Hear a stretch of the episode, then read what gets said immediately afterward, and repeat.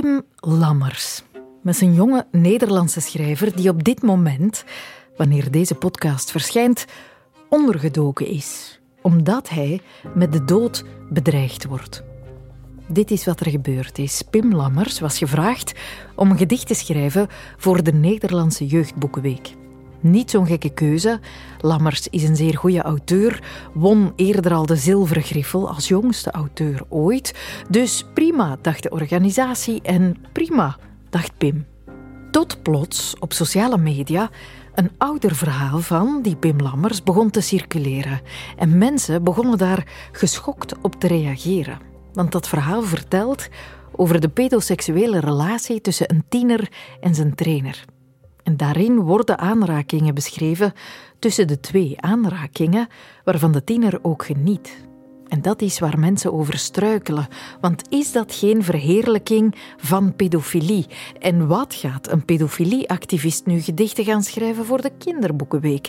Dat kan toch niet? Verontwaardiging, alom. En die groeit uit tot woede en dat groeit uit tot haat. Het debat over dat ene verhaal van zoveel jaar geleden komt zelfs tot in de Nederlandse Kamer. En Pim krijgt zoveel doodsbedreigingen dat hij besluit zijn kandidatuur in te trekken en onder te duiken. En daar staan we nu. Bij een verhaal dat zodanig schokt dat mensen een ander dood gaan wensen. Het is niet het enige kunstwerk dat choqueert, zeker ook niet het eerste. Dus laat het ons daar eens over hebben, over schokkende kunst. Welkom in de wereld van Sophie.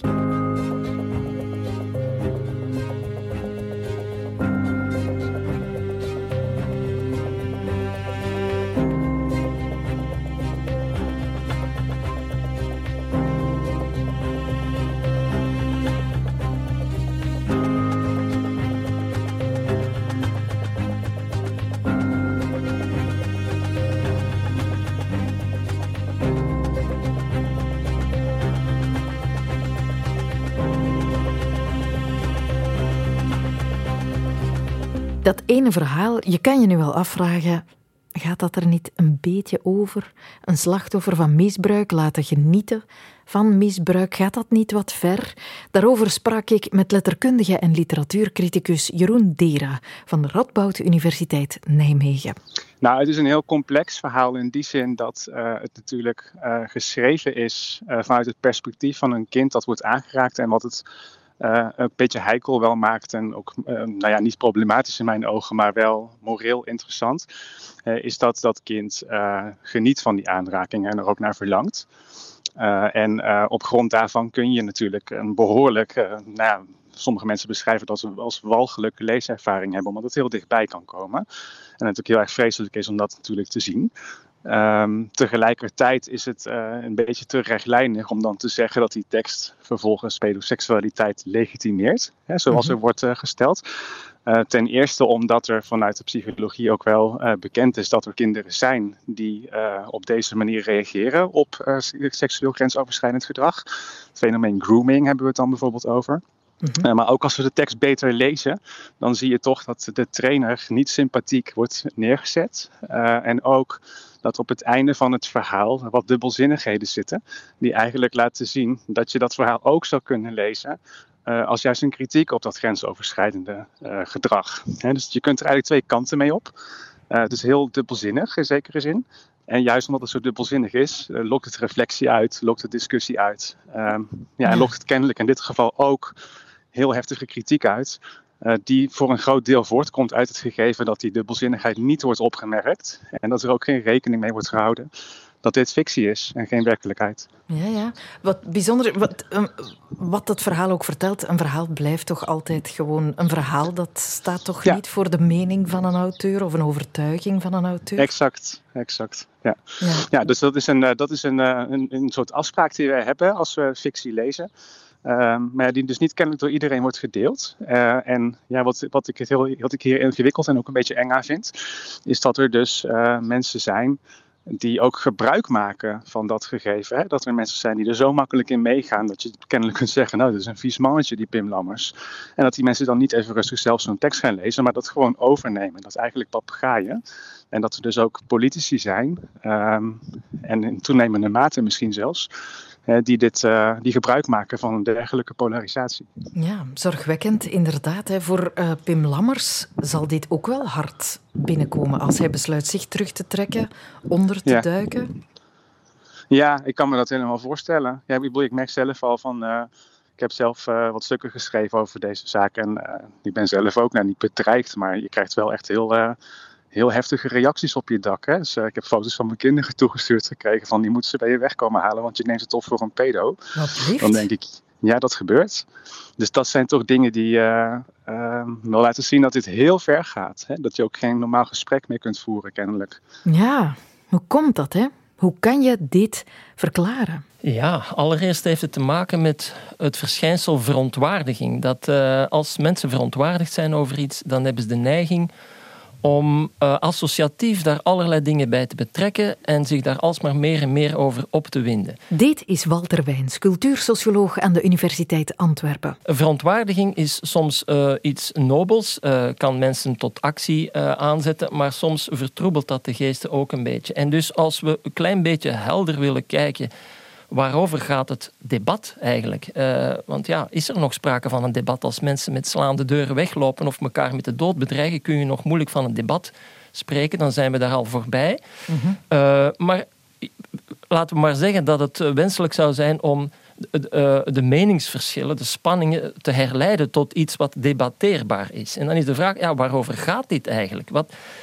uh, waar, waar maken mensen zich zorgen over? En dan is het altijd goed om, laten we maar zeggen, uh, ja, de posities proberen af te bakenen. En, en, waar gaat dit over? Het gaat, het is al gezegd natuurlijk, het gaat over een, een jeugdboekenschrijver, dus een kunstenaar, maar tezelfde tijd iemand met een specifiek doelpubliek. En dat is een eerste, laten we zeggen, probleempje. Mhm. Uh, ik bedoel, uh, normaal gesproken heeft een kunstenaar, ja, die beoefent kunst. En die kun je dus beoordelen aan de hand van esthetische criteria. En dan zeggen we die heeft een grote artistieke vrijheid. En we gunnen hem of haar dat. Uh, misschien alsmaar minder. Maar goed, uh, dat is toch de institutie kunst die wij hebben in de loop der uh, eeuwen opgebouwd, die aan kunstenaars die vrijheid geeft. Ehm, een jeugdliterator is natuurlijk een kunstenaar, maar schrijft voor een doelpubliek dat je, waarvan je de producten, dus de boekjes, misschien niet helemaal alleen als pure kunst kunt beschouwen. Omdat natuurlijk ja, die een zekere opvoedkundige waarde hebben. En hier zit je dan meteen met de spanning kunst-moraal, die hier op de spits wordt gedreven. Uh, een aantal critici uh, van Pim Lammers zullen zeggen: kijk, uh, jij gaat onze kinderen de verkeerde richting uitsturen. Jij geeft verkeerde signalen. En dan gaat het niet meer over de artistieke waarde van zijn werk, maar dan gaat het over uh, het amorele karakter ervan. En, en dus inderdaad, er is daar wel een spanning tussen moraliteit en kunst die uh, groter is bij jeugdboeken dan bij andere kunst. Dat is een eerste ja, mhm. belangrijke kwestie. Hè. Um, een tweede kwestie is inderdaad, die er nou bij aanleunt, uh, is een, een, auteur die zich richt op kinderen. Ja, um, uh, kan die thema's aansnijden die in de volwassen wereld zo belangrijk zijn. Hè? Dus als het gaat over sociale problemen of gevoeligheden, hoe moet je dat vertalen voor kinderen? Dat is natuurlijk niet zo evident. En, mhm. en dan is er nog een spanningslijn die ja, de afgelopen jaren, decennia eigenlijk al voortdurend uh, aan de orde komt, namelijk de vervaging uh, van de grens tussen privé en publiek. Hè. Ja, uh, blijkbaar. Hè. Ze zien we het werk niet meer los van de kunstenaar. Ja, inderdaad. Hè. Dus je kijkt naar zo'n kunstwerk en dan ga je daar meteen conclusies aan verbinden over wie heeft het geschreven, en uh, zit hij wel goed in zijn vel en heeft hij het, heeft hij het allemaal wel netjes uh, voor elkaar? Heeft hij ze allemaal op een rij of heeft hij immorele bedoelingen? Uh, wat spookt hij allemaal in zijn privéleven uit? Dus het privéleven gaat dan afstralen op de kunst. Denk maar aan zo iemand als Jan Fabre, die mhm. geen jeugdboeken schrijft voor zover ik weet. Ehm, maar um, het omgekeerde ook. Hè. Dus je gaat een kunstwerk, een, een artistiek werk, ga je dan interpreteren als zijnde iets dat onthult uh, over ja, uh, het morele karakter van de auteur. En dus je krijgt hier voortdurend het ene weerspringen van privé-publiek. Dus er zijn nogal wat lijnen die elkaar doorkruisen hier en waarover ja, spanningen kunnen ontstaan. En voilà, we zitten er hier middenin met Pim Lammers. Ja, ja. Um, nu kan je wel gaan protesteren tegen iets of een bezwaar aantekenen. Doodsbedreigingen uiten, dat is wel een stapje verder nog. Hè? Ja, dat uh, mag niet. Om te beginnen, uh, dat mhm. is uh, meteen ja, vele stappen verder natuurlijk. Als je elkaar met de dood begint te bedreigen, ja, dan wordt het samenleven onmogelijk. Het, het, is zo al moeilijk genoeg met mensen die van mening verschillen, die verschillende achtergronden hebben. En dus moeten we op zoek gaan naar methodes, naar manieren om, om al die meningsverschillen ja, uh, te laten bestaan misschien. En, en toch iedereen in zijn waarde te laten. Maar als je natuurlijk begint met elkaar met de dood te bedreigen, je zou kunnen zeggen, ten gunste van die uh, figuren die anderen met de dood bedreigen, die moeten zich wel heel erg in hun ziel aangetast voelen. Mhm. Misschien kun je daar eens mee beginnen. Wat, wat, brengt er iemand toe om een ander met de dood te bedreigen? Uh, dan moet hij zich toch wel heel erg aangesproken voelen. Dan kun je misschien afvragen, ja, wat, waarom doet hij dat? Maar zelfs wanneer je toch nog een beetje begrip probeert op te brengen, ja, dan kun je nog zeggen, kijk eens hier, uh, je mag je nog zo sterk aangetast voelen in je ziel of waar dan ook. Uh, maar elkaar met de dood bedreigen, dat doe je niet. Zelfs niet met een goedkoop tweetje dat je zo verstuurd hebt, waar je misschien niet te diep over hebt nagedacht. Maar je doet dat niet. Hè? Ja. ja, ja het lijkt alsof we uh, ja, iets wat te gevoelig zijn geworden voor een mening die niet strookt met de onze. In die mate dat we ze gewoon niet willen horen. Ja.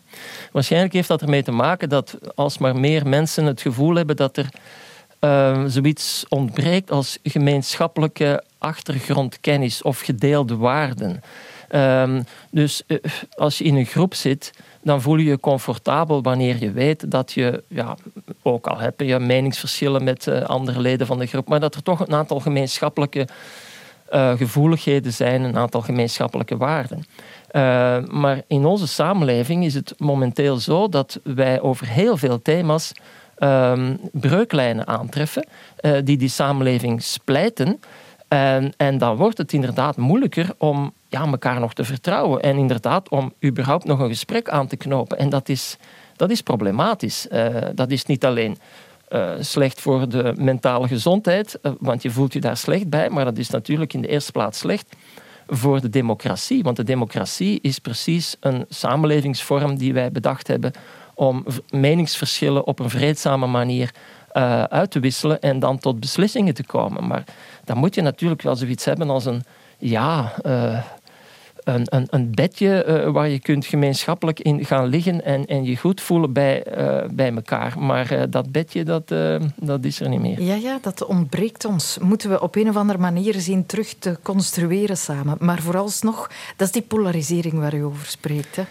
Ja, zitten ja, we in ja, die ja. samenleving. En dat, of het nu gaat over jeugdboeken, hè, want die, die Piem Lammers die schrijft dan mooie gedichtjes over gevoelige onderwerpen. Die brengt bijvoorbeeld genderfluiditeit ter sprake en hij wil dat uitleggen uh, aan, aan kinderen en hij doet dat op een poëtische manier.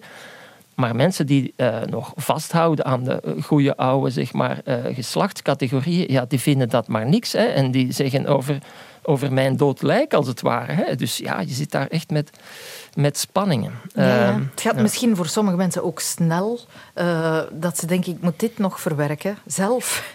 Vertel het nog niet aan de kinderen. ja, ja, precies. Hè. Ze zijn inderdaad uh, heel wat. Uh, zeker als het gaat in Nederland. Je hebt daar die, die, die, die Bijbelbelt, zeg maar, uh, waar, men nog vasthoudt aan echt traditionele rollenpatronen. Waar men toch in de regel niet al te veel van die nieuwlichterij moet hebben.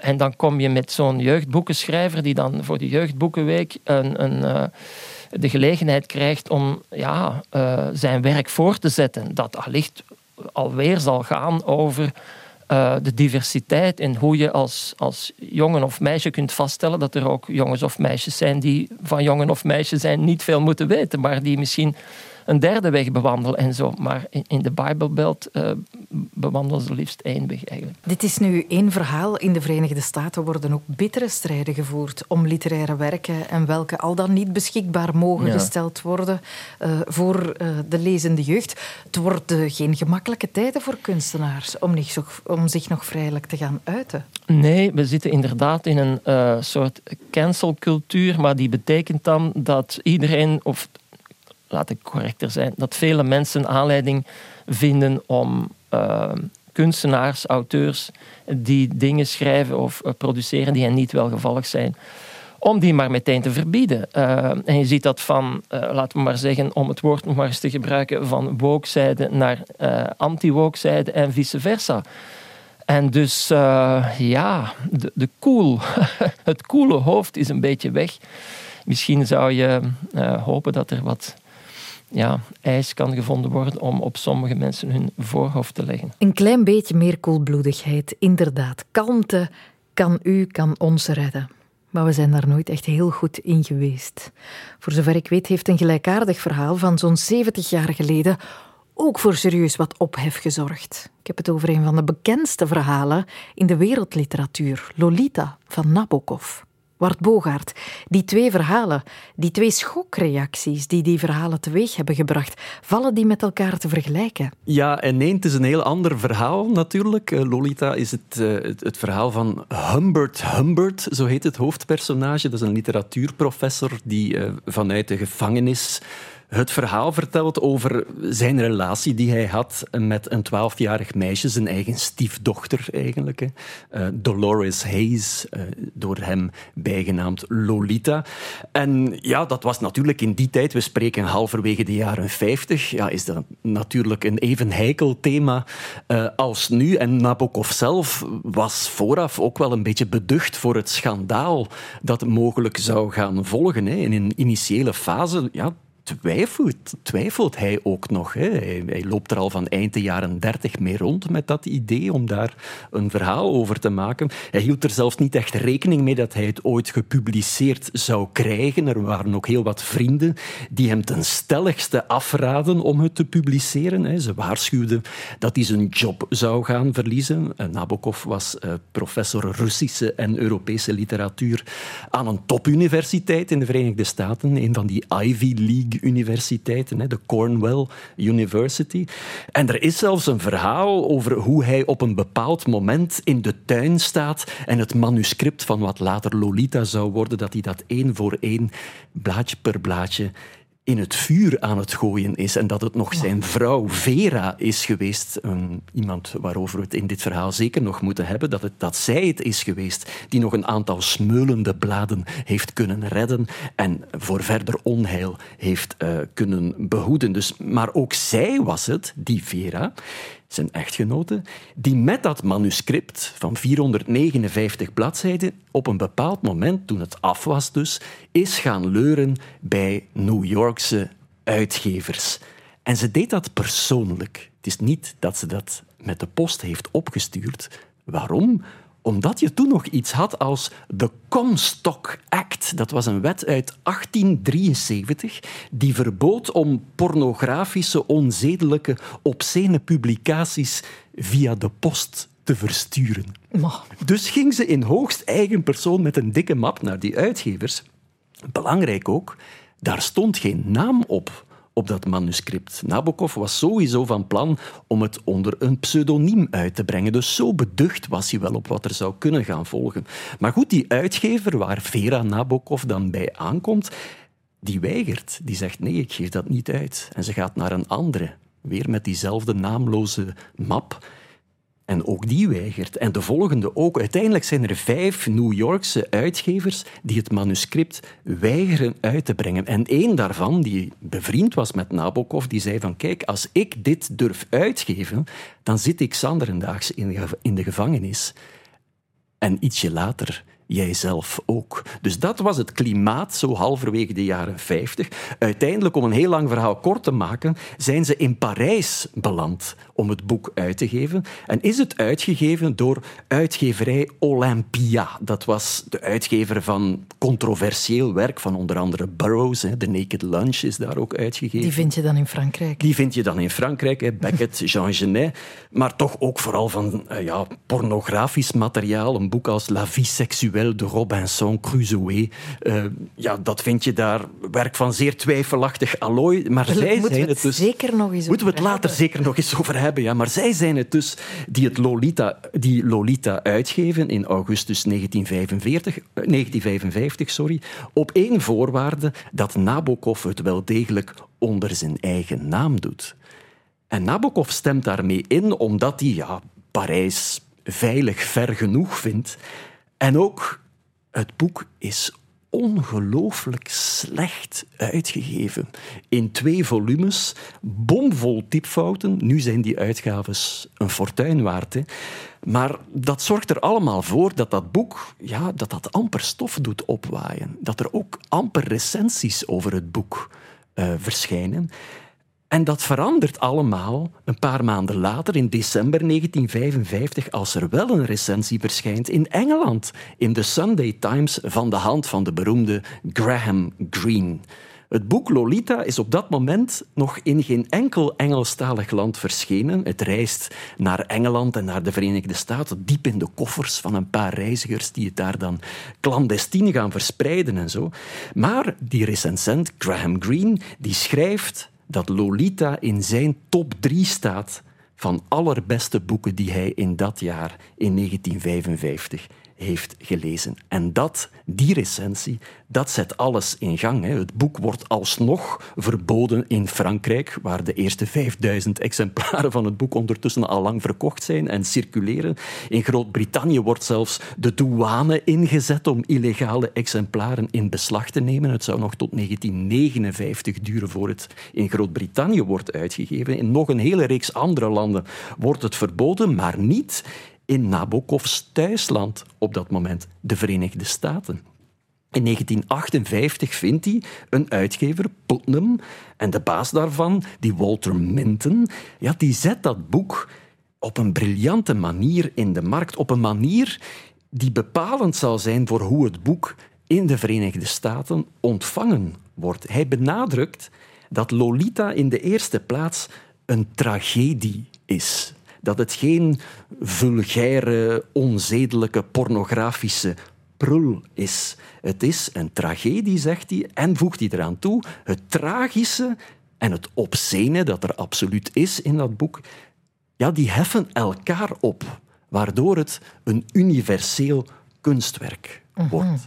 Dat is de redenering, maar nog een andere belangrijke troef in de handen van de uitgever en van Nabokov zelf is, we hebben haar al ter sprake gebracht, dat is Vera. Vera, de vrouw van Nabokov. Want bij de persvoorstelling in de Harvard Club in New York in 1958 is zij prominent aanwezig. En waarom is dat belangrijk? Wel omdat veel mensen, en ook veel journalisten die daar aanwezig zijn, er niet in slagen om een onderscheid te maken tussen kunstenaar en kunstwerk, tussen privé en publiek.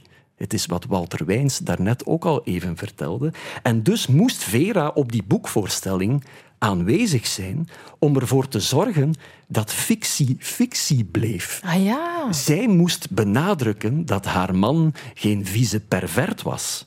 Zij moest ervoor zorgen dat Humbert Humbert uit het boek dat dat Humbert Humbert bleef, het fictieve personage, en dat Vladimir Nabokov Vladimir Nabokov bleef. Dus zij was een soort morele camouflage voor haar echtgenoot. Een soort alibi voor uh, Nabokov. En ja, je, je, ziet dat aan de vragen die zij dan krijgen. Hè. Er wordt voortdurend gevraagd, ja, maar ja, als je dat kan schrijven, dan moet je toch wel iets van die Humbert Humbert in je hebben. Of mm -hmm. dan moet uh, Vera toch wel een klein beetje op Lolita zelf lijken, zeker. Dat, dat is het soort vragen dat ze krijgen. En daar antwoordt uh, Nabokov dan op. I don't know little girls very well.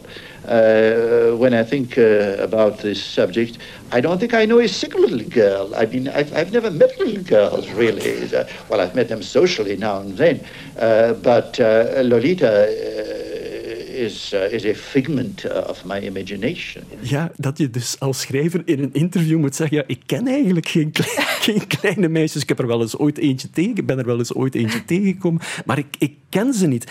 En hij moest dus inderdaad gaan benadrukken hoe ver dat verhaal wel van hem afstond en hoe dat voor hem een literaire uitdaging was. Lolita is a very special favorite of mine. It was uh, my most difficult book. Uh, the book that treated of a theme which was so distant, so remote from my own emotional life, that it gave me special pleasure uh, to use my combinational talent uh, to make it real. Ja, het staat zo ver af van mijn eigen leven dat het voor mij een ongelooflijk plezier was om er mijn talent op los te laten, om het echt te doen lijken. En voor de rest, behalve die antwoorden op die vragen, houdt hij zich eigenlijk redelijk ver weg van de ophef die rond dat boek mhm. ontstaat, door met name te benadrukken dat Lolita voor hem een literaire oefening was. Why did you write Lolita? Why did I write Lolita? Why, why did I write any of my books after all? For the sake of the pleasure, for the sake of the, of the difficulty. You see, I have no social purpose, no moral message. I have no general ideas to exploit. I'm not a general. But I like composing riddles. I like uh, finding elegant solutions uh, to, to, my riddles, to those riddles that I have composed myself. Ja, ik heb geen morele boodschap, zegt hij. Ik wil eigenlijk niets vertellen. Ik hou van raadseltjes en ik hou van elegante oplossingen van de raadseltjes die ik zelf bedacht heb. Wat zien we dus meteen daarna? Dat is dat die waarschuwing van zijn vrienden, weet je wat, dat hij zijn job aan de universiteit zou verliezen, ja, dat die niet uitkomt. Meer nog, het boek verkoopt zelfs goed in de boekenwinkel van de campus van zijn universiteit. De twaalf exemplaren die ze daar in de bibliotheek hebben, die zijn permanent gereserveerd. Het boek wordt ook niet verboden in de Verenigde Staten, waar hij oorspronkelijk zo bang voor was. Het, staat in een paar weken tijd zelfs aan de top van best verkopende boeken op dat moment. En er belandt ook niemand in de gevangenis. Nog uitgevers, nog Nabokov zelf, die druk uitgenodigd wordt in televisiestudio's, waar het toch vooral over de literaire merite van het boek gaat. Niettemin, we mogen dat niet uh, uh, aan de kant schuiven. De ophef over het boek is er natuurlijk wel. Hè. Ik zei het al, het wordt in veel landen verboden. In heel veel recensies wordt het boek weggezet als vulgair, stijloos, pornografisch. Ook vaak heel saai. Dat is is ook een, een, kritiek die je vaak hoort, dat het saai is. Er zijn scholen en bibliotheken die het verbieden. Er is zelfs een stadje in Texas dat Lolita heet en dat een referendum organiseert om van naam te veranderen. het is er uiteindelijk niet van gekomen, maar er zijn minstens evenveel besprekingen die het boek bejubelen, die het een meesterwerk noemen en die vooral de inhoud van het kunstwerk loszien van de maker van dat kunstwerk. En dat is, zoals Walter Wijns daarnet al zei, iets dat misschien vandaag net iets meer onder druk komt te staan. In 2013 is het Nabokov Museum in Sint-Petersburg nog beklad door vandalen. Ze hadden pedofiel op de gevel uh, geschilderd. En je zou je dus kunnen afvragen, ook in het licht van wat er nu met Pim Lammers uh, aan het gebeuren is, of een boek als Lolita vandaag nog gepubliceerd zou kunnen worden. Ik gooi het in de groep. Ah, een goede vraag. En geen idee. Ik weet wel dat het niet alleen literaire werken zijn die voor ophef zorgen en die schokreacties teweeg brengen. Even terug naar 2017. In de kerk van Kuttekoven in Borgeloon wordt het kunstwerk Holy Cow tentoongesteld. Een kunstwerk van Tom Herk. En dat toont een levensgrote, gekruisigde koe boven een grote plas melk. Een indrukwekkend werk maar volgens een groep conservatieve katholieken is het vooral een indrukwekkend schandalig werk. Ze beschuldigen de kunstenaar van blasfemie, organiseerden protestacties, ruiten werden ingeslagen, er werd brand gesticht, kunstwerk werd aangevallen en Tom Herk kreeg ook doodsbedreigingen. Hoe ga je daarmee om? Anke van Meer sprak met hem. Ik heb een installatie gemaakt uh, genaamd Holy Cow. En dat was een gekruisigde koe, eigenlijk in polyester uh, afgegoten uiteindelijk. En een kerk die uh, blijkbaar nog gewijd was. En ik had er ook een melkbad voor gemaakt van een 5000 tal liter melk, gemengd met water. Die expositie ging een maand blijven hangen ook. Niet meer, niet minder. Dus we hadden daar toestemming voor, ook van de kerkfabriek zelf zijnde. En er zijn heel veel protesten uitgebroken. Dat was eigenlijk iets op twee locaties. Hè. We hadden eigenlijk de kerk van Kuttekoven, waar dan eigenlijk het beeld ophing. Maar een 100 of 200 meter verder had eigenlijk nog een expositie van mezelf. Voor eigenlijk uh, die installatie zelf een beetje meer uit te werken, ik zal het zo zeggen.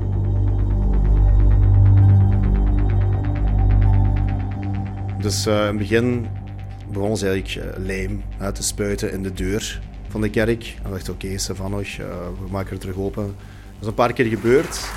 Iets helemaal anders dan het anders zo rustige Haspengouw is al dagen in de ban van een controversieel kunstwerk. De Holy Cow, beter bekend In Kuttekoven, een deelgemeente van Borgloon, krijgt de controverse rond kunstwerk een grimmige wending. Dan ging dat eigenlijk meer naar ja, nationaal nieuws, uh, deze toestanden.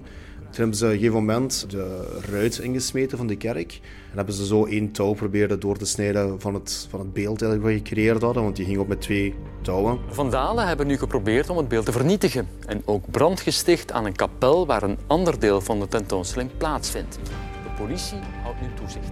Dan is er eigenlijk ook nog uh, brandstichting gesticht. Er is eigenlijk benzine over een middeleeuwse deur gegoten van die, eigenlijk, van die kapel, waar dan de andere werken van mij gepresenteerd waren. Die locatie zelf die was wel stilgelegd, omdat het gewoon te veel beschadigd was door de brandschade eigenlijk. Maar de andere locatie, in de kerk van Kuttekoven, waar die koer hing, die ging gewoon verder. Camerabewaking bij de kerk van Kuttekoven sinds vanmiddag. De kerk wordt al lang niet meer gebruikt voor erediensten, wel voor kunstprojecten. Uh, en als dat op dat moment gebeurt, uh, zie je uiteraard ja, reacties die je leest van, op Facebook van verschillende pagina's in, in België. En op een gegeven moment begon het ook internationaal te worden. Dus op dan uh, De Wereld Draait Door was er geweest, die talkshow in Nederland. En dan daarna was het in Duitsland, in Frankrijk, tot in Israël, Italië, Polen. En kreeg mails binnen, hè, maar ook via Messenger enzovoort enzovoort. Ik kreeg opeens zo'n dag zo een telefoontje uit Italië ook. En dan hoorde iemand Italiaans vloeken. Hè. Mijn Italiaans gaat niet zo ver. Pizza, pasta enzovoort enzovoort. Hè. Maar het ding is van, ja, stront zo enzovoort enzovoort. En ik dacht zo, huh? En uh, goed, er gebeurt. En op een gegeven moment kreeg ik ook een telefoontje uit Polen enzovoort. Het begon internationaal rond te gaan. En ook wel met mails begonnen niet meer enkel van Limburg of van België te komen. We begonnen die ook wel of van Nederland, maar ook van Polen, Italië, eh, heel veel eigenlijk. En ook ja, meer de katholieke landen ook in alle eerlijkheid.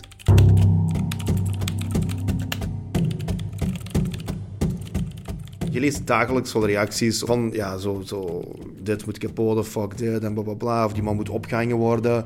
Eh, en van die zaken enzovoort allemaal er rond. Maar eigenlijk de meest angstaanjagende mail die ik heb binnengekregen, die was echt ik denk drie, drie pagina's lang of zo. En uh, dat ging over het Gouden Kalf dan, waar rond gedanst werd. En uh, rond vrijmetselarij en weet ik veel allemaal. Mensen waren er heel, heel diep in aan het gaan. Die was zo foutloos getypt en zo intellectueel eigenlijk wel. Dat eigenlijk al de meest uh, angst en jagen was.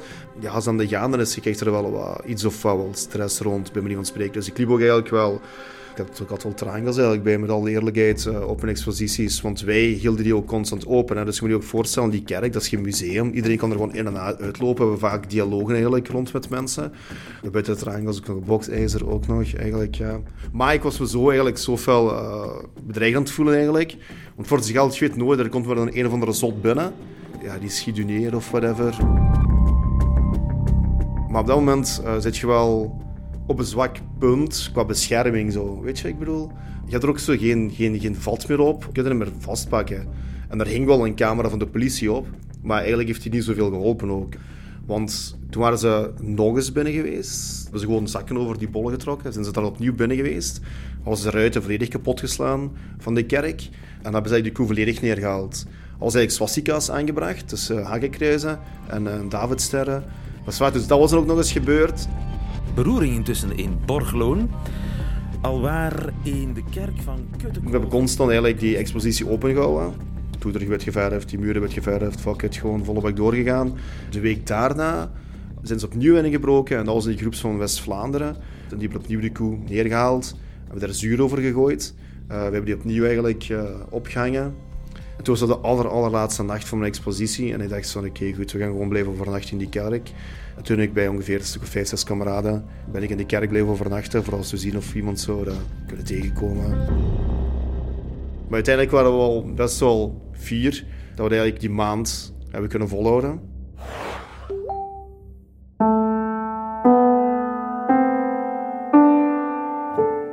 Eigenlijk was het punt van Holy Cow eigenlijk niet rond iets religieus. Holy Cow is gewoon een spreekwoord van wow, hè, er gebeurt iets wat niet oké is. En eigenlijk ging het meer over de spelling van vlees, voedsel en ook van lege kerken eigenlijk. Want ik, hou, ik ben iemand die van kerken houdt. Dus daar ging het echt per se niet echt om. Maar voor hun was het oké, goed, blasfemie eigenlijk. Blasfemie, omdat het beeld van Christus onteerd werd en nog altijd een gewijde kerk. Ik ben ook niet van gisteren, hè, dus ik kan die mensen ook wel ergens volgen. Dus ik vind het goed als mensen komen protesteren. Dat mag, weet je ik bedoel? Ik zou dat ook gaan doen waarschijnlijk als eerste. Of de dialoog aangaan, maar de grens ligt eigenlijk bij geweld. Dus je moet niemand... Of ja, mij ze niet fysiek aangevallen, maar je moet niet dingen fysiek beginnen kapot te maken enzovoort. Dus ja, dat is een beetje het punt rond dat eigenlijk uh, erover ging, denk ik. Ja. Ja, zo woorden, ik weet het niet. Ik ben daar niet zo vatbaar voor, denk ik ook wel, in alle eerlijkheid. Ik was gewoon zo eerder meer na denken van... Ja, je weet dat nooit. Zo moest er gewoon een of andere slot binnenkomen met een fucking ja, met een geweer of zo. Ik weet niet of ik kan vloeken op de radio, ik denk het niet, maar goed. Ik werd heel veel verbonden met die kerk eigenlijk, in alle eerlijkheid. Omdat je zo... Je zit hier aan het beschermen, hè. Dus eigenlijk vond ik het al erger dat mijn beeld constant werd kapot gemaakt. En dat is gewoon irritant. Ah, hier. Dat was nog een comment van... Voel mij als christen heel erg beledigd.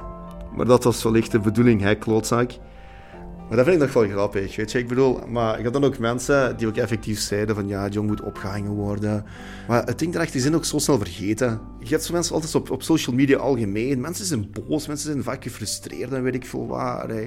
Dan zeggen die van die zaken en dan een week daarna van... Ah ja, oké, goed, whatever. Dan maakt het zo niet meer zoveel uit.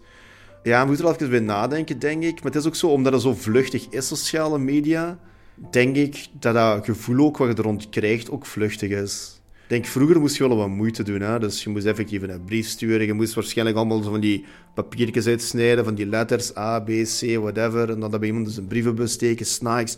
Ja, ik denk, denk dat het dan nog zwaarder zou aankomen eigenlijk. Dus ik denk door de vluchtigheid van social media, denk ik ook wel dat ook vluchtiger vergeten wordt. In mijn geval was alleszins zo, dat je het alleszins wel beter zou kunnen plaatsen. Sommige van mijn werken zijn best wel satirisch van aard. En uh, ik dacht, oké, goed, ik ben dus beeldend kunstenaar. Hè. Een beeldend kunstenaar moeten mensen anders leren zien. En uh, ik had eigenlijk die doodsbedreiging. Ik dacht, ik ga die allemaal verzamelen. En ik kwam op eigenlijk zo'n tiental pagina's uit. Ik durf niet meer te zeggen hoeveel het precies was. En ik heb die allemaal verzameld in een bundel. En ik heb er eigenlijk een soort van kunsteditie van gemaakt. En eigenlijk heb ik dan eigenlijk pakketjes gemaakt met een t-shirt van Holy Cow bijvoorbeeld en een boekje erbij. En dan werden die genummerd. 1 op 20, 2 op 20, 3 op 20, 4 op 20. Dus ik ben al op een creatieve manier en een satirische manier op je omgegaan.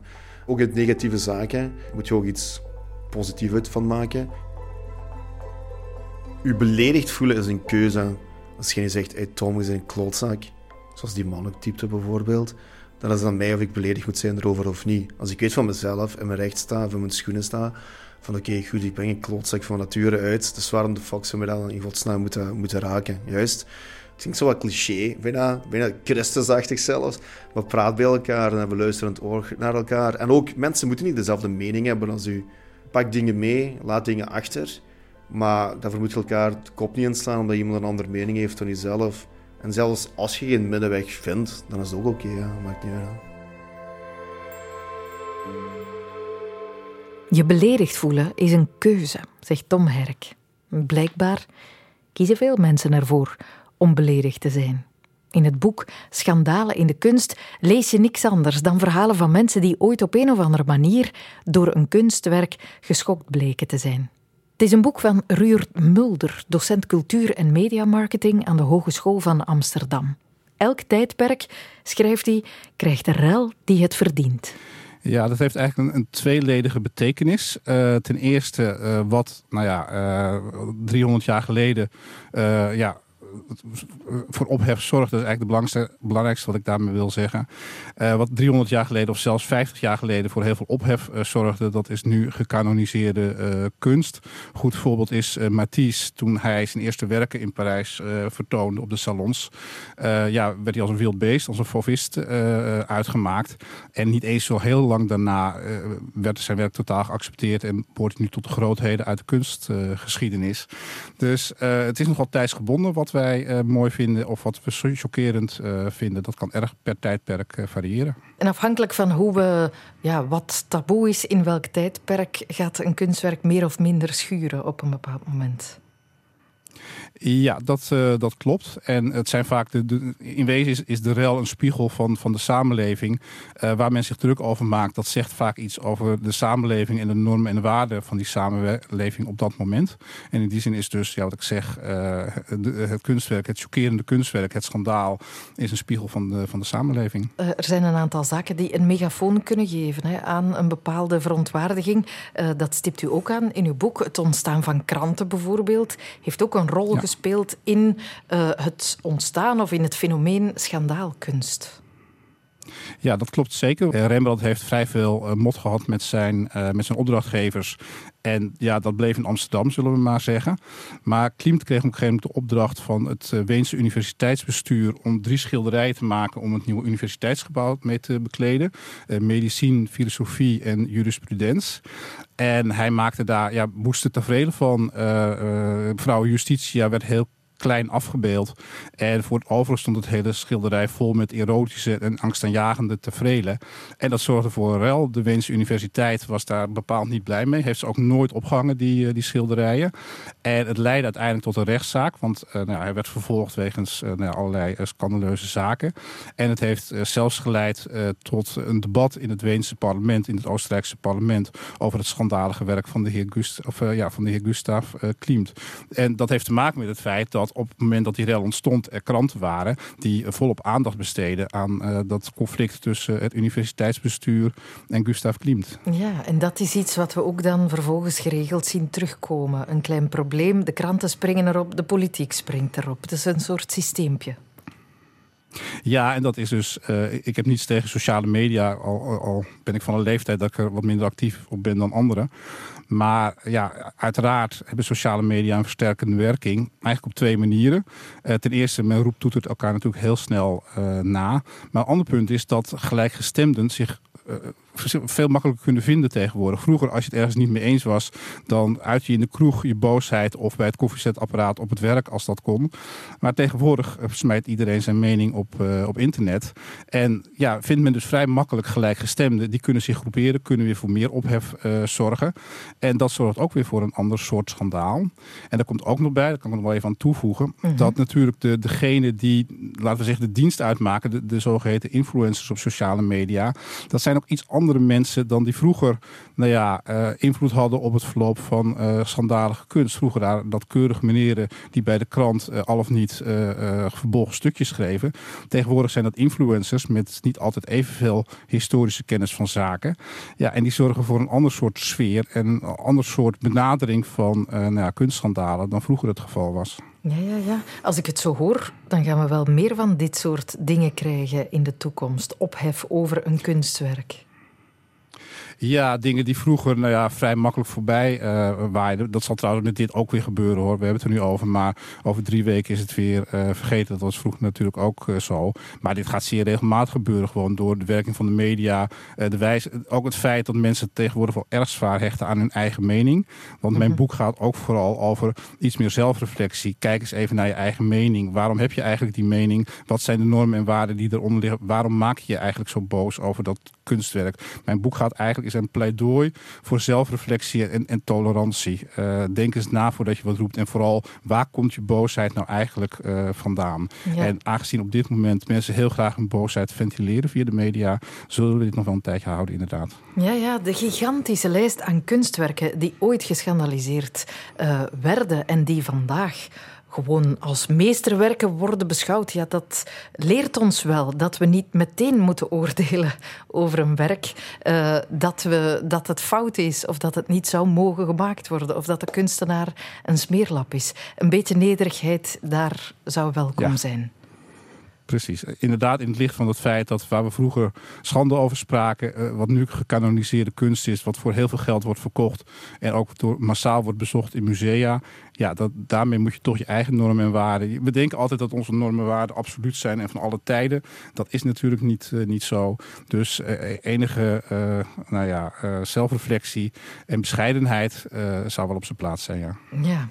Als we gaan kijken naar de onderwerpen die leiden tot ophef, bloot en seks, dat lijkt altijd prijs te zijn. als een kunstenaar daarmee aan de slag gaat, is het schandaal nooit ver weg. Zijn er nog thema's die geheid voor een schandaal zullen zorgen? Nee, ik heb in, mijn boek uh, Schandalen in de kunst uh, heb ik een soort big five uh, onderscheiden. Dus inderdaad seks, dat is de belangrijkste. Seks en erotiek, daar heb ik ook een apart hoofdstuk over geschreven, omdat daar zoveel over is en daar ook wel wat over te filosoferen valt. die heb ik als belangrijkste aangeduid. Maar religie is natuurlijk een zeer goede tweede. we hebben ook in de Nederlandse literatuur, en, maar ook met kunst, hebben we genoeg schandalen gehad die religie als oorsprong hadden. In wezen Veronese ook al, in zijn strijd met de inquisitie. Dat is er één. Politiek. Heel vaak worden schandalen ook veroorzaakt door politici vanuit een soort politiek gewin. uh, dood en verderf levert ook wel een probleem op. Niet zozeer als het gaat om slagvelden, want daar wordt ook natuurlijk wel wat bloed vergoten. Heroïsche slagvelden, dan mag je best wel wat, uh, wat bloed laten zien als schilder. Maar op het moment dat het schijnbaar zinloos geweld is, dan gaat men al vrij snel de, de wenkbrauwen fronsen. Mhm. -huh. En dierenleed is tegenwoordig ook wel een, een redelijk belangrijke bron van, van ergernis. Dat, dat is mijn big five. Maar daarnaast kun je nog wel wat redenen bedenken. Ja, ja dat zijn uh, thema's die gevoelig liggen, maar soms bijvoorbeeld ligt ook het type kunstwerk gevoelig. Als het er gemakkelijk uitziet om het te maken, dan krijg je ook weer reuring. Ja, dat klopt uh, zeker. Eigenlijk vanaf, uh, laten we het e-, even in de geschiedenis duiken, vanaf 1917. Toen kwam Marcel Duchamp met zijn uh, omgekeerde urinoir. En nou ja, dat zorgde voor ophef. Datzelfde urinoir wordt overigens nu door Britse kunsthistorici gezien als het belangrijkste kunstwerk van, uh, van de 20e eeuw. Maar toen dus nog wel ophef. Ja, toen werd op een gegeven ogenblik het idee belangrijker dan de uitvoering. En bij heel veel mensen bestaat nog het idee van kunst, dat is iemand die iets heel goed kan en heel goed kan schilderen. En die kan iets wat andere mensen niet kan. Daar moeten we bewondering voor hebben. Maar op het moment dat kunst niet meer is dan een idee, bijvoorbeeld ik smeer uh, uh, 12 vierkante meter in met pindakaas, een idee van Wim T. Schippers in Boymans van Beuningen. Op het moment dat kunst zo simpel lijkt, ja, dan gaan mensen daartegen ageren. Kunst moet verheven zijn, kunst moet moeilijk zijn om te maken. Nou, een potten pindakaas op de vloer smeren, wat overigens dan gedaan wordt door een medewerker van Boymans en niet door Wim T. Schippers zelf. Ja, uh -huh. dat wordt niet meer als kunst gezien door uh, sommigen. Ja, en dus krijg je schandaal na schandaal na schandaal. Maar ja, ja, uh, dat, stipt u, dat stipt u aan. Uh, kunstenaars kunnen daar wel hun voordeel uithalen. Sommigen ja, die gaan garen spinnen uit de schandalen die ontstaan. Ja, dat, uh, dat klopt. Ik heb natuurlijk een beetje voorbereid op dit gesprek. En toevallig las ik de column van Max Pam vanochtend in de, in de Volkskrant. En hij schrijft dat Querido, de uitgever van Lammers, een oude poëziebundel in een oplage van 5000 exemplaren heeft herdrukt. Ja, het, klinkt, het is een beetje cynisch. Of schoon ik uh, Querido niks, uitgewerkt Querido niks kwalijk uh, neem. Maar ja, dat is wel het effect. Ik had nog nooit van Lammers gehoord totdat deze rel ontstond. En je ziet dus eigenlijk een tweeledig effect bij een groep uh, ophef. Vaak een wat, ja, laten we eerlijk zijn, een wat conservatievere groep. Terwijl de wat meer tolerante progressieven zich om de kunstenaar heen scharen. En binnen die groep uh, zie je dat ja, de reputatie van de kunstenaar groeit. Dus in die zin kan inderdaad een schandaal heel goed zorgen voor, zeker bij bepaalde groepen, voor een hogere reputatie van, uh, van de kunstenaar. Laat dat dan een troostje zijn voor kunstenaars die onder vuur komen te liggen omwille van het werk dat ze maken. Je kan er in het beste geval je naam mee maken met een goede rel. En wie weet, doen sommigen het er net om. Zou dat niet kunnen dat mensen de rel gaan opzoeken omdat ze weten dat het aandacht gaat genereren? Neem nu Wim Delvoye, kunstenaar bij ons, met zijn cloaca, een machine die kak gaat produceren, met zijn getatoeëerde varkens, met zijn reuze zetpil. Zou hij de aandacht niet bewust opzoeken? Heeft hij niet bewust de bedoeling om te choqueren? Onze reporter Brecht de Volderen stelde de vraag. Nee, eigenlijk niet. Uh, In feite hebben we het nooit niet gezegd van hoe ga ik hier een keer de mensen chockeren. Dat hebben we het nooit niet gedaan. Maar iets nieuws maken. Dus komt al heel vlug bij dingen die niet verwacht worden. En dat kan eventueel uh, chockeren, is uh, dat ze dat niet verwacht hebben van kunst. Um, maar dat moet natuurlijk niet. Het is alleen maar een teken dat je goed bezig bent. Het is nu wel zo dat als je figuratief werkt, dat je al gauw in, in woelig vaarwater geraakt. Um, uh, ja, de, de woke people zijn nu meer gechoqueerd dan, dan vroeger. Dus, dus in de late jaren zeventig had je ook een, uh, iets in de krant, enorm succesvol, dat heette Love is, liefde is. Als je dat nu opnieuw leest, dat zou de helft niet meer kunnen. Bijvoorbeeld liefde is het gaar van uw man uit, de lavabo halen. Dat hij dat keer zelf doet, dus dat mogen je niet meer verwachten. Dus er zijn heel veel dingen die snel dateren. Ook met chockeren. Chockeren dateert ook. Er zijn dingen die vroeger gechoqueerd hebben en nu niet meer chockeren. En er zijn dingen die nooit niet gechoqueerd hebben. En die bedoeld waren om zeer consensueel te zijn. En die nu, heel vreemd genoeg, enorm de mensen choqueert. Maar Wim, je bent een kunstenaar. Een kakmachine. Mensen gaan gechoqueerd zijn, dat weet je toch? als je choqueert, dan is dat de kosten van een bepaalde groep. bijvoorbeeld uh, als je, als je met, vrienden een grap doet over uh, vrouwen. Of je mag geen grap meer maken over Polen. Of Oekraïners. Dat mag allemaal niet meer. Um, ondertussen schiet er bijna niets meer over. En dat is het zo schone aan Cloaca. Dat de grap niet de kosten is van niemand. De, de tuinen van Jehovah zijn niet gechoqueerd, eh, de christenen zijn niet gechoqueerd, eh, de moslims zijn niet gechoqueerd. Ergens is niemand gechoqueerd. Het is maar dat je het kunst durft noemen, dat, dat ergens een beetje choquant is voor bepaalde mensen. Dus in feite, aanvaarde kunst is eigenlijk proberen de verwachtingen uh, dat mensen hebben van kunst te veranderen. Als je dat doet, dan maakt het echt kunst. Dus, zo ben ik aan de slag gegaan. Maar het mooie aan, aan is... Je lacht in feite met jezelf, je lacht met de kunst, maar... Niemand kan beweren van ik voel mij hier persoonlijk aangevallen. Iedereen is er ook in betrokken, want iedereen uh, kakt. Ja? Kinderen zijn zot van die machine. Ik bedoel, uh, heel veel eh, klassen, scholen uh, die organiseren een namiddag, die komen kijken. De kinderen zijn allemaal zot van die machine.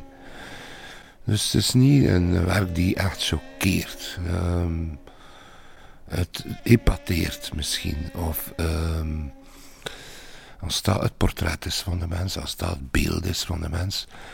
dan is een veel correcter beeld dan uh, de David in witte marmer die in Firenze staat van uh, Michelangelo Buonarroti.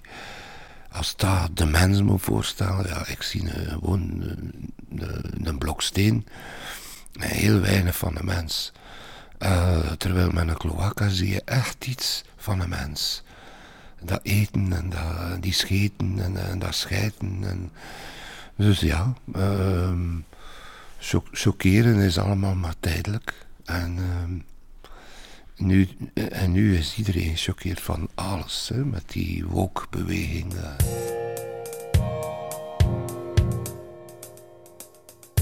De grote massa kun sowieso altijd choqueren met zelfs een enorm groot meesterwerk. Laat ons nu zeggen, de Mona Lisa. En ik ben een journalist en ik wil de mensen choqueren vandaag, want ik wil papier verkopen, zoals dan al die journalisten willen. Dan bel je gewoon aan het Louvre en dan vraag je voor hoeveel is de Mona Lisa verzekerd. En dan maakt een krant een stuk en dan zeiden Mona Lisa verzekerd voor zoveel miljoen. En de mensen zijn gechoqueerd. Wat? Dat, dat is heel rijke. Hij schrijft er nog bij dat de mensen het goed weten, dat het maar zo groot is. En de mensen zijn erin mee. Dus dat chockeren is meestal in the eye of the beholder. Ja. Dan kun niet zeggen van ik ga hier een keer chockeren. Nee, het komt soms uit hele onverwachte hoek. Maar, het is niet dat er minder taboes zijn dan vroeger. Dachten, als ik jong was, tijdens mijn puberteit, dacht ik... Ja, de taboes, dat is iets van vroeger, dat is iets van een oudere generatie. En wij, zijn, wij hebben geluk. Taboes zijn weg, taboes zijn weg. Wij kunnen ons amuseren en hebben al die taboes niet meer. En nu dat ik uh, niet meer zo heel jong ben, om het eufemistisch te zeggen, uh, zie ik in feite alleen maar meer taboes. Uh, en, en, meer dingen waar je moet voor opletten. Al de hele eeuw is, hebben mensen het moeilijk met ironie. Sowieso zijn er heel veel culturen die nu dominant zijn, waar dat ironie niet een onderdeel is van hun cultuur. Bijvoorbeeld Amerikanen, die kennen dat niet, ironie. Die hebben daar moeite mee. Dus ze mochten zomaar niet, niet meer iets zeggen om te lachen of geraakten problemen. En ja, uh, ironie is een groot, uh, een, een groot onderdeel, een ingrediënt van veel van mijn werken. En ik heb al dikwijls gemerkt dat ik daar niet zo makkelijk mee score in bepaalde landen. Bijvoorbeeld Duitsland, waar ironie niet zo een, een belangrijk ingrediënt is van hun cultuur.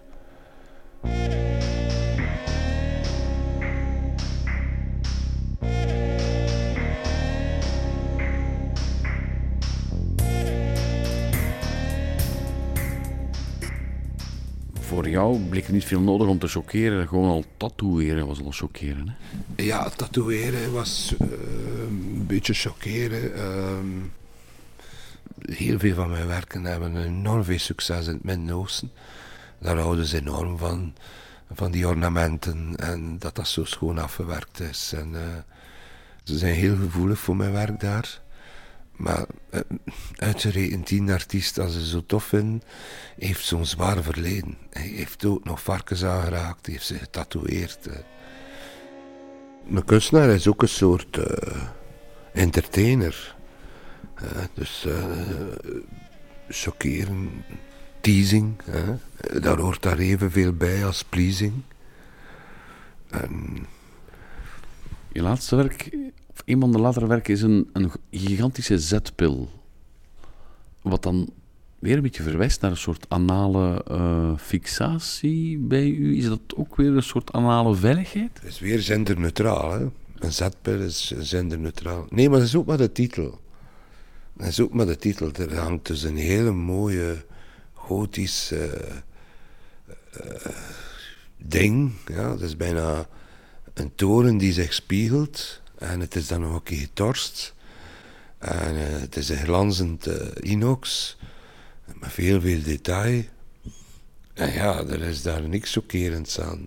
Uitgenomen de titel. De titel noemde Suppo, suppositoire. Uh, suppositoire wil ook meer zijn dan een, een ding dat in uw haar steekt. Natuurlijk moest het daar in uw haar steken, dat zou enorm veel pijn doen. Het is maar de titel die eigenlijk nog... Uh, voor de rest had het werk al een uh, ideale schoonzoon ingehaald. Maar de titel is chockeren. Goh, chockeren. Uh, doet u glimlachen? Nee, doet u glimlachen. Wim Delvoye wil niet chockeren, ook al doet hij het soms. Maar het is hem om de glimlach te doen, de schoonheid van de verwondering.